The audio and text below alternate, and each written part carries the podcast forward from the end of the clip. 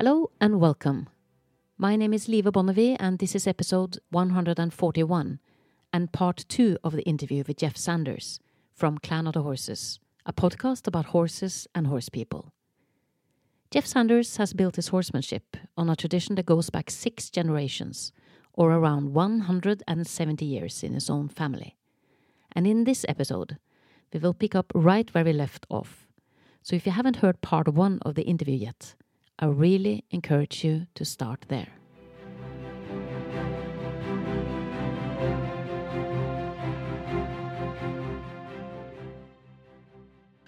but what happens is I think that we I think we all kind of like you said we want that partnership, but that partnership takes a level of commitment and a level of patience. And sometimes that commitment and that patience can be distracted by other things and other people in the way they think about their horses and their riding. So, for instance, I know for a lot of people, you know, if, if you're keeping your horse at a barn where there's a lot of show people, a lot of people who are showing and that's their focus, it's hard not to let that affect you in a certain way. Um, we are subconsciously we have um, we are very good at learning by observation, both good and bad. and I see this a lot um, as I'm teaching, as I'm traveling around the world teaching clinics. What happens a lot of times is I teach in a place, and then I don't come back for another year. And I just had this last year. One of the clinics, one of the girls uh, she'd ridden with me several times before. She came in, she started war- warming up before she rode, and I could tell right away that she had changed barns and she was riding in a show barn. Her her riding changed completely. She was com- she wasn't even aware of it, but it's because of how everybody around her rode. She changed the way she was riding without even knowing and realizing she did it, and it changed the dynamic between her and her horse because it became more about perfecting certain maneuvers rather than working together to get as good a quality of movement, um, health, all of that stuff as they could. Um, and it's tough. It's it's it's a tough journey to build that partnership, and it takes the right relationship between the horse and rider.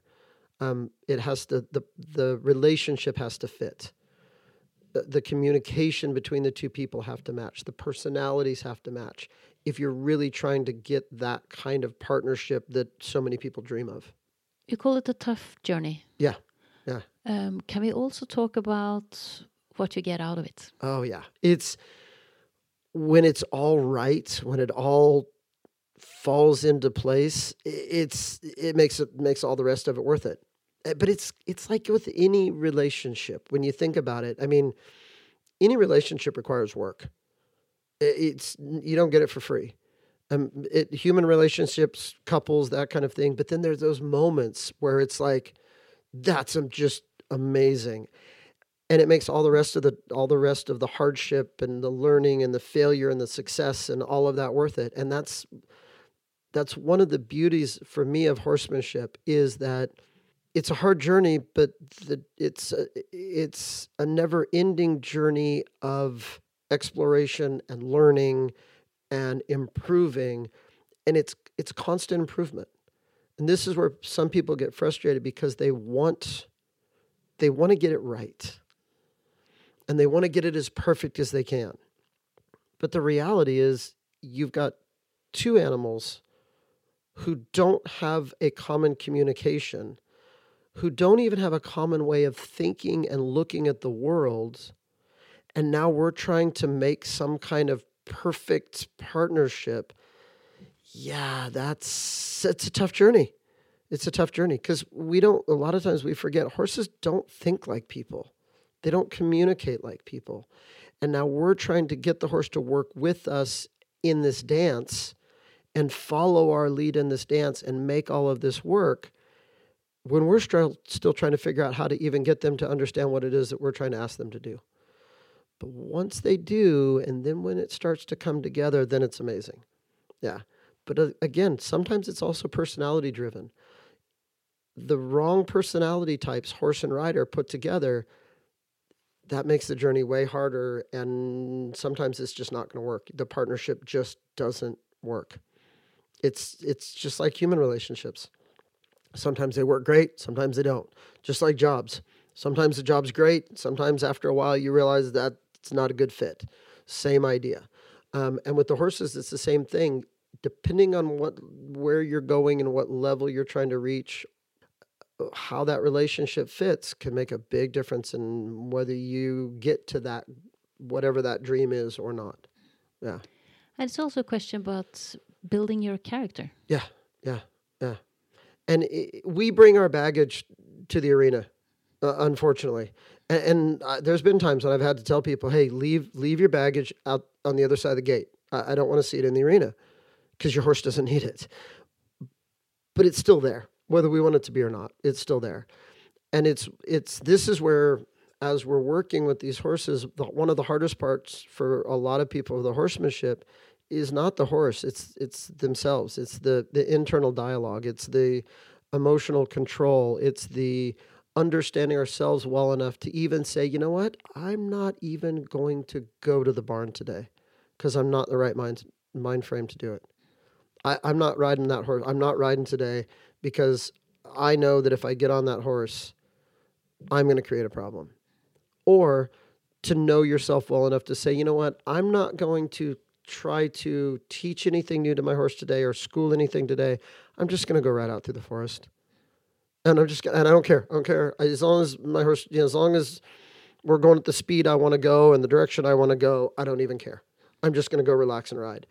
And then there's other days where you're like, you know what, I'm going to work my stuff and I'm going to work on the skill sets that I'm trying to practice and everything's great and it's working really well awesome, but that's not going to be every day. And the reality is that we're going to bring our stuff to the arena, and it's our job to make sure that our horse never has to deal with our emotional, psychological, mental, whatever it is, things that we're dealing with. Our horse shouldn't have to deal with that. And if we're not in the right mind frame, then our horse shouldn't even see us. And when we think about it, one of the things people forget is that you're training your horse from the moment your horse knows you're there that's it's people forget how much influence they have over the horse. So my stepdad, as an example, he purposely does not feed his horses at the same time every day, because he says sometimes on Sunday he wants to sleep in, and if he see, feeds them every day at six thirty, guess what's going to happen six thirty Sunday morning? The horses are going to be saying, "Hey, it's time for food." So he varies that. So the moment your horse knows you're there, you're having an influence on that horse, and your mind frame you know where you are mentally where you are emotionally that's going to affect that horse no matter what. And uh, for me i think it's really important that our horse doesn't have to deal with any of our negative stuff. So if i'm having a bad day if i'm sick or i'm you know whatever it is if i'm not in the right mindset i i, I just won't even go work with my horses. Um, at the most you know it's like okay maybe go clean the stall but even then depending on where we are mentally that's going to have an effect on the horse yeah. So when you travel around the world as a trainer, mm -hmm. and um, you have a pupil showing up, yeah, not having their best day, mm -hmm. how do you handle it? It's really going to depend on the person. One of the things that I look at is most of the time for the rider and the horse, when we are working and we're working on on teaching the horse different things, we're putting the horse and the rider to work. So let's say we're we're working on shoulder in or we're working on half pass or whatever it is. As we start moving and you know stop, do rollbacks, that kind of thing, and we start focusing on the work, it tends to change the mindset where they're able to get into the work and through the work we change the mind. And same thing with the horses, because the reality is there's some days I go catch my horse and I'm like, my horse is also not in the mood today. And I am, and we need to now see how much we can accomplish. But by working and and and putting the horse to work and and trying to work on some skills, we can use that movement of the body to try to focus the mind. So this is one of the things that like in the old California horsemanship that we get the mind by moving the body. And by getting the horse, we get the horse with us by getting the horse to move where we're asking them to move. So if I'm getting the horse to move off of my leg, they're focused on my leg, they're focused on me, they're focused on what I'm, I'm asking them to do. And it's the same thing with the riders. Um, but there are times, I've had times where I remember one in particular. Um, I was teaching in Australia, and the lady was having a bad day, and her horse wasn't doing what she wanted, and she was absolutely in tears. And I just said, "Uh, "Just go, just go sit at, sit at, uh, sit by that tree. Give me your horse." And I got on him, and I just rode him around while I was teaching, and I just let her sit by the tree. Um, and, and I told her, "When when you're ready, you come back, and I'll give you your horse back. But, but until then, just go sit at the tree." And one of the other people said, "Oh, you you you don't care that she's over there crying?" And I said, "It's not that I don't care, but I'm riding her horse and I'm getting her horse away from that because the horse's job isn't isn't to deal with that. The horse isn't her therapist, and it does shouldn't be." And the horse doesn't need to deal with that mo- that negative emotional energy. So I took the horse out of the environment, split the two up. She dealt with her stuff. When she dealt with her stuff, then she got her horse back, and she was fine and it was good. And I, I tried to make it really clear. It's that, you know, it's not that I didn't care that you were crying. It's that I cared more that your horse didn't have to deal with that negative stuff. So that's kind of an extreme example of that. Then I get really curious about people who use the horse as a therapist. Yeah. Yeah. Um, I think horses are wonderful tools in, in, in terms of um, rehabilitative therapy for disabled children and that kind of thing. Horses have an amazing ability to read people for good and bad. So when um, I have I, I have a number of people that I know that do the rehabil- rehabilitative therapy for children. Um, in the U.S., I've got a good friend that does it with uh, veterans who have trauma from war, that kind of thing. Um, I know one guy that was you. They were doing a program where the prison was. They were working with the Mustangs. Um, that's a different kind of emotional energy than somebody who is emotionally distraught or you know that kind of thing. Um, and eh, when we're looking at this, if you are doing that, it takes a very special kind of horse. And one of the big problems I see is people using the horse as that therapeutic kind of, or they're, that's what they're trying to do.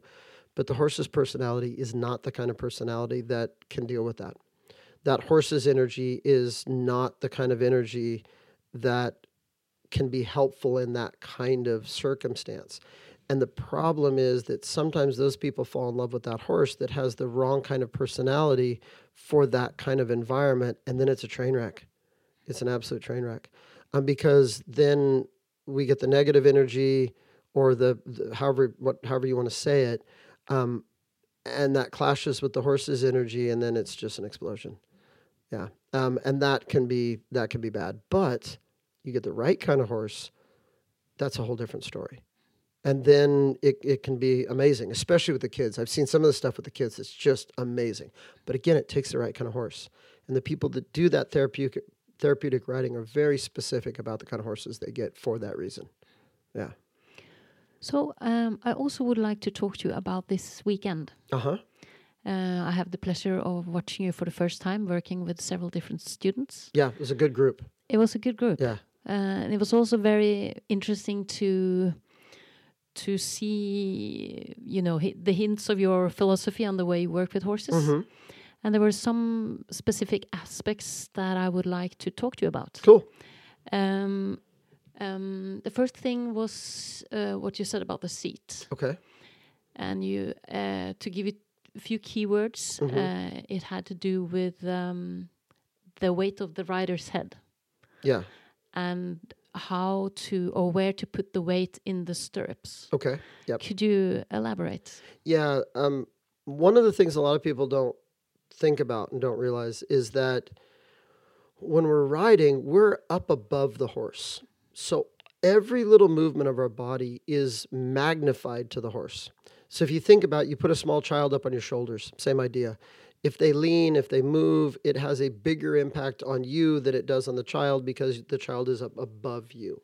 Um, same thing when we're riding. So uh, let's say we're riding and we look down. Our head weighs about 10% of our total body mass. As we look down, we put that weight down over the front end of the horse. So that's like putting a bowling ball in the horse's withers and expecting them then to work in good athletic movement. Um, when we're riding in our our balance and our seat, um, I really focus on making sure that my seat position is matching what the horse is doing. And I want my balance to match the horse's balance. I don't want the horse to have to compensate for me being out of balance. It's my job to follow the horse's balance, not the horse's job to follow my balance. And this is where it gets very difficult for a lot of riders because our balance as a human being is very different than the horse's balance. Um, we have a vertical balance. We have that up and that straight up and down vertical balance, where the horse has a horizontal balance, and the two are very different in how they work together. So it's my job to follow the horse's horizontal balance, not the horse's job to stay vertical with me. And we're hardwired to stay vertical. Our our brains are hardwired from the time we're little kids to stay vertical. The horses don't move that way quadrupeds move differently than bipeds. And I have to work on matching my balance to the balance of the quadruped movement. Um, and that can be very difficult for a lot of riders because it's not intuitive. And what happens is, as the horse is moving, we feel out of balance because we are trying to think like a human rather than thinking where the horse's balance is. An example of that is anytime the horse has a bend in their body, and they're moving. Let's say they're bent to the left. Their balance is going to be on the left side, no matter what they're what they're doing. Whether they're moving to the right or they're moving to the left, if they have a left bend, their balance is on the left. But sometimes it can feel like as they're doing a circle, like, oh, but the balance is on the outside of the circle. No, the horse's balance is if the balance if the horse's balance is on the outside of the circle, the horse is out of balance that's when they fall out of the circle. That's when stuff like that happens. So I try to keep my seat on the inside of that balance. The other thing is if horse stumbles, if they're on bad ground, if we're on ice, anything like that, if I'm a little out of balance with the horse, it makes it much, much harder for that horse to recover from that stumble or whatever it is. Um, and also biomechanics, the way the horse moves. When I'm sitting, if I sit on the left side, the rib cage of the horse will move away from my seat. So if I want the horse to bend to the left, if I'm sitting on the left seat, that will help that bend. If I want the horse to bend to the left, but I'm sitting on my right seat, it's going to push the rib cage into the direction that I actually want the horse to bend, and that means now I'm getting in the horse's way. So when we look at just the basic biomechanics of it. And with the weight in the stirrups? The weight in the stirrups, I, I play a little bit with the weight in the stirrups, but most of the weight distribution and change and signal is actually coming from my seat. But when I am putting weight in the stirrups, one of the things I want to be careful of is that I'm not pushing weight down into my heels. Um, that is for very beginning riders to keep them from going into fetal position or bouncing or that kind of stuff. Um, I want the weight in the balls of my feet. Everything that we do as human beings athletically, we keep the weight in the balls of our feet riding is no different. If my weight is down in my heels, I create tension in my legs, and it's harder then for me to make small micro adjustments to my weight and my balance. If my weight is in the balls of my feet, I can relax my legs and I can make those small micro adjustments a lot easier. So I know everybody's taught from the very first lesson put your heels down. Um, I don't ride that way. I want my feet kind of more flat, more flat, in more of like a position like if I was standing. And you'll one of the places you'll see this is if you watch Spanish riders. They have very wide, flat stirrups. It's like standing on a platform. They don't ride with their heels down. They ride with their feet flat. Same idea. Okay. And you had um, uh, a very good tip about using video to improve your seat yeah. in your riding in general? Absolutely. If you if you want to know what's happening with your seat and your your spine video going away from the camera. Most of the time most people their pants have a belt loop in the center of your back. And you can look at that belt loop in relationship to um, a lot of the saddles have a maker's mark or something in the back in the center of the saddle. So it's the relationship from your spine or your belt loop to the center of the saddle to the center of the horse's spine and that should line up. So, one of the things that I tell people to kind of visualize is that if your spine, when you're sitting on that horse, your tailbone, like when your spine goes down, your spine was able to go straight down and connect into your horse's vertebra, how would you move? Um, where would you where would your body move with that horse if your spine was directly connected? Um, and then as you video riding away, you'll see where your seat is. You'll see where your where your balance is riding away from the camera, looking at yourself from behind.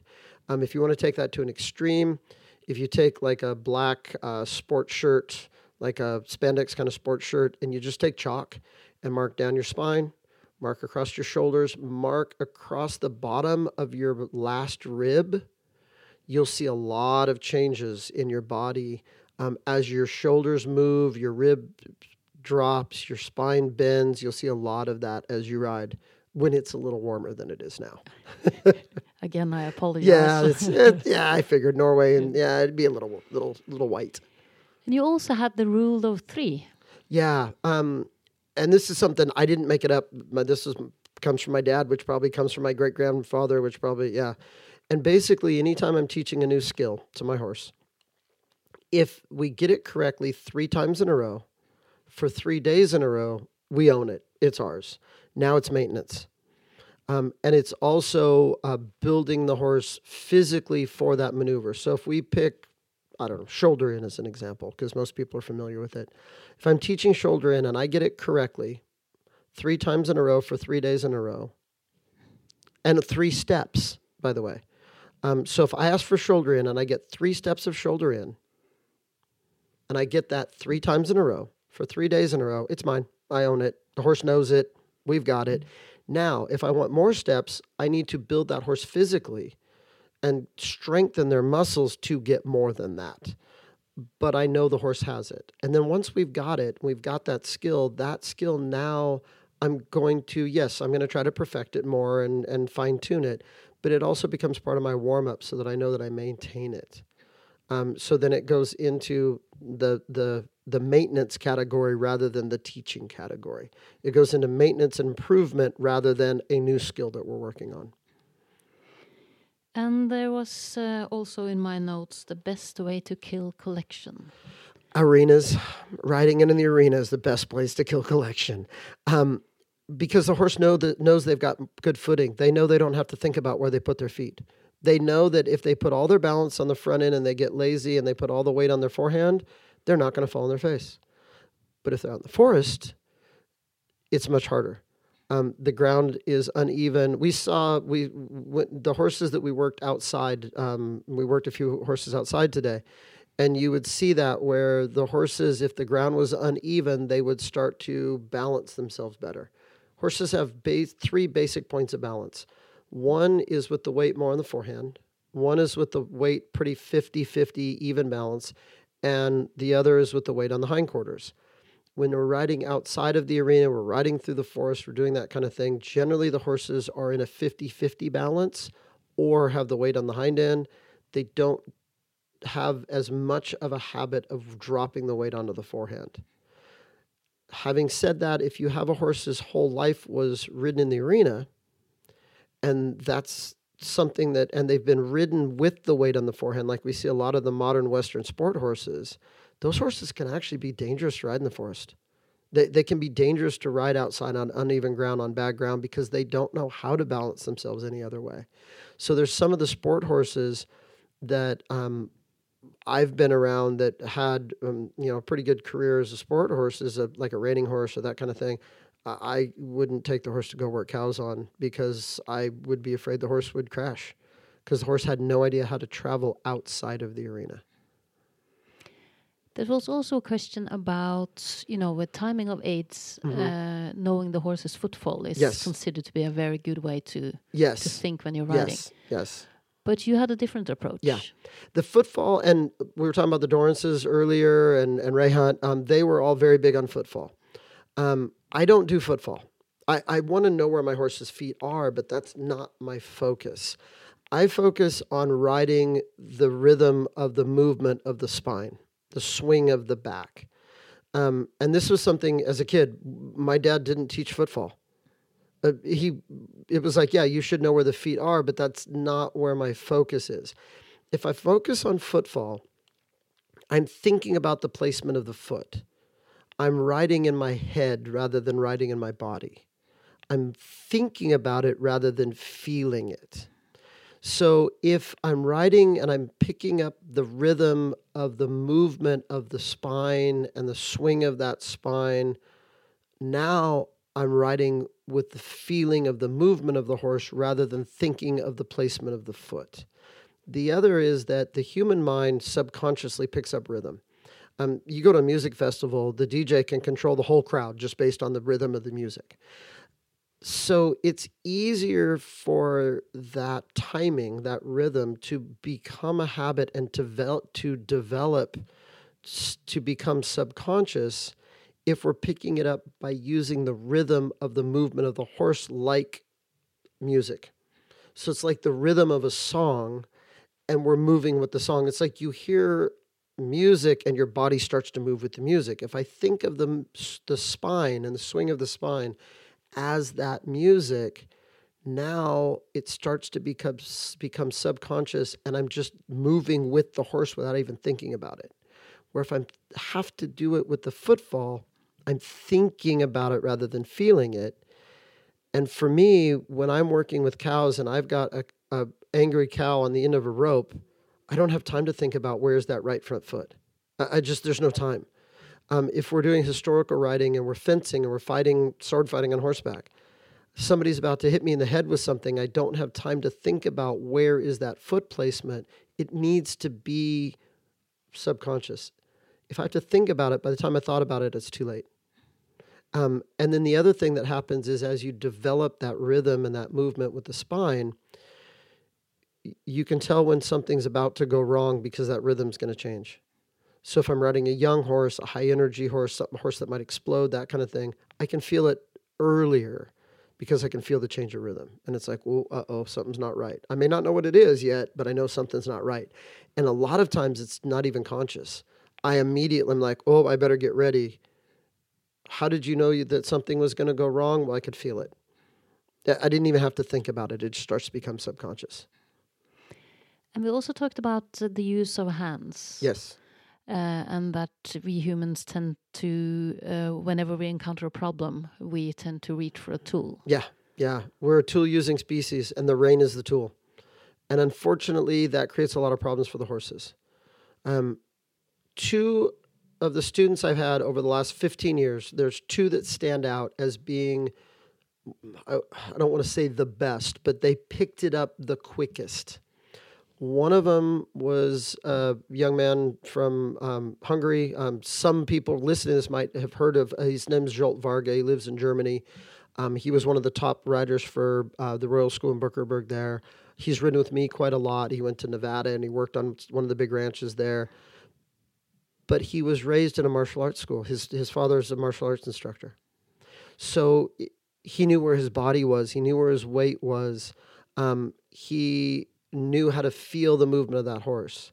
Another one was um, a semi professional dancer. She went from never having ridden to within a year of riding, she was riding with at the top, uh, one of the top dressage schools in Spain because of being able to feel what was going on with that horse, with the rhythm and the movement of that horse. The key for them was that they were riding with their body. They knew where their body was, and they knew how to move their body, and they didn't rely so much on their hands um, where most people immediately go to the hands to try to make something happen. And one of the things we have to remember is that when we're using the reins, horses use their head and their neck to balance themselves far more than people realize or, or consciously think of. Again, because they uh, they have that that horizontal balance, their head and their neck affects it much their balance much more than it does for us. If we're using our hands and our reins all the time, we're taking their head and their neck out of balance, which is then disrupting the balance through their whole body. And the other is that the more we use our hands, the more we take our body out of balance. So the more we move our hands and we move our arms, we shift our shoulders, which then translates all the way down into our seat, and the horse feels that. So the bigger the movements we have with our hands, the more it disrupts our balance as a rider, and the more it takes the horse out of balance as well. So for me, I think of my reins control the head and the neck. They have some influence over the shoulder. From the front of my saddle back, all of that is controlled with my seat and leg. So if the body's going somewhere, if it's not going somewhere I wanted it to go, if the horse's head and neck are, are looking in the right direction, but the body's not going that direction, it's not a rein problem. It's a problem of the seat and the leg. But most people try to fix that by pulling on the reins. And talking about pulling on the reins, it's also interesting to talk a little bit about bits. Yes. Um, bits are a huge subject. We could do five podcasts just on bits. I know. Um, it's I one of the clinics. I apologize. that's okay. One of the clinics I did in in um, in Australia, we did a whole day on bits, and at the end of the day, I was like, "Well, I got through about half of the material I want material I wanted to go through." One of the big things to remember about bits, no matter what kind of bit it is, it's a communication tool, and I want that to communicate as well as possible with my horse.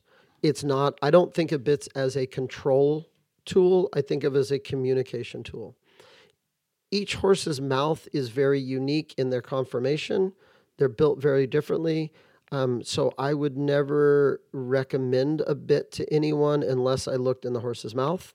And I would never put a bit in my horse's mouth by anybody's recommendation who hadn't studied my horse's mouth. We see this a lot where people say, well, this bit worked really good on my horse, so here you should use it on yours, which would be exactly the same as pulling the shoes off of their horse and trying to nail them on your horse yeah, it might work, but there's a better chance it won't. And there's so many factors that go into having the right bit.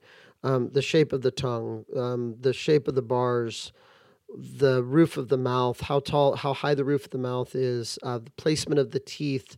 Um, does is it a gelding or a stallion? So it has the canine teeth. Is it a mare and maybe she has one uh, or two? Um, and where are they placed in relationship to the corner of the mouth? How high is the corner of the mouth? Uh, there's so many things we could get into with the bits. The most important thing is I want to make sure whatever I put on that horse's head, that it's not distracting the horse from listening to my other communication that I'm giving that horse with my seat and my leg and all of those things. So as I'm riding with any bit or any tool that I put on that horse's head, if it's distracting the horse, it's probably the wrong tool. Um, because again, it's about it's about communication, and if it's distracting the horse, then it's taking away from the communication rather than adding to the communication. So if it fits correctly, and we've got a good bit that fits correctly, and we're using it correctly, it improves the communication. If the bit doesn't fit correctly, it's creating pain or discomfort. It is taking away from the communication, and that's not what I want. And you also had that phrase where you said uh, you said not tighter, but just closer communication, So which I thought was really a very precise way to put it in a way. Yeah, what we had is we had some of the riders that were riding on a little bit too long of a rein, and the distance between their hand and the horse's face was too much. And I wanted them to ride with a shorter rein, but not a tighter rein. The amount of contact they had was fine. They didn't need any more pressure. In fact, more pressure would have been a bad thing.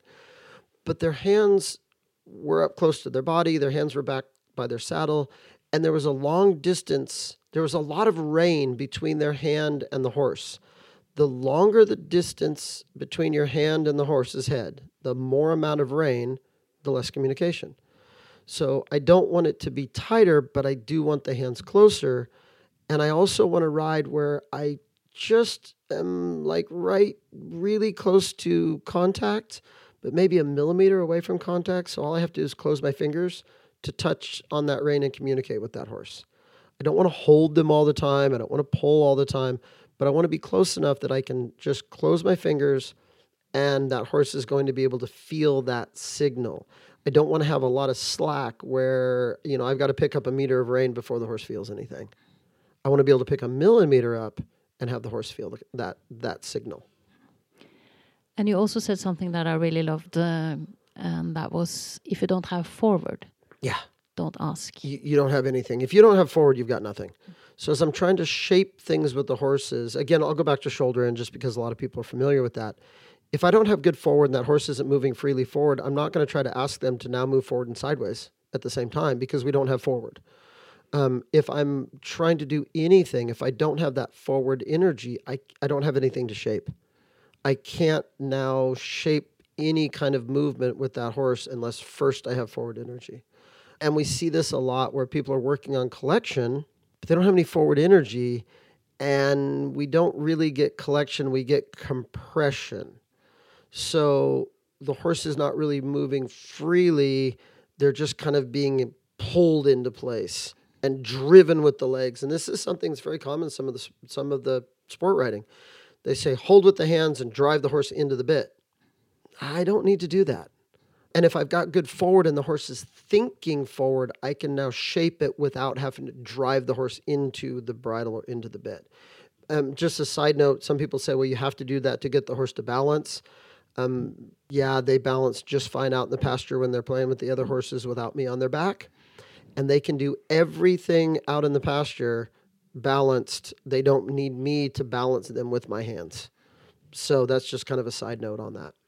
And you also made a point of people watching or, you know, paying attention to the horses when they are outside without yeah. the rider to yeah. kind of get the feeling of, you know, how they move their body and how they balance. Yeah, I think it's important to study horses' movements when they're not being influenced by a rider. And I think the best if you if you have the opportunity is watch a bunch of young horses that have not been ridden yearlings two year olds three year olds even if, if you can find some four year old horses that have not been ridden and watch how they move naturally. Watch how they move when they're being athletic. Watch how they move when they're playing amongst themselves. Where is their balance? When they turn, how is their body shaped? Where are they turning? Now, as we watch that, then we ask ourselves, where would I sit? How would I ride if I was trying to ride that movement and stay out of the horse's way? And that will tell us a lot about how to ride that horse, where to where to where to move, when to move with that horse. And it also tells us that the horse doesn't need us to be able to do all of the stuff that we're trying to do. Um, I've watched video of horses doing very high level stuff, cantering in place, cantering backwards, um, doing piaffe, all of that stuff without a rider on them. Well, if they can do it without us, then if they're not doing it, it's one of two things either they don't understand what we're asking, that's education, or we're in the way. That's it. The only other choice, and this does happen a lot, is that there's some kind of pain problem that the horse has, and then we need a good osteopath, that kind of thing, to work on the horse to eliminate that problem. I have one final question for you, Jeff. Okay. This is the signature question on this podcast. oh. and I haven't warned you, so yes, be prepared. Um, what is the one most important thing you would like to emphasize uh, that you have learned through your journey with horses that you think it is really important that people who deal with horses knows? I think the, there's one word. It all comes down to one word. Why? Why am I doing what I'm doing? That's it.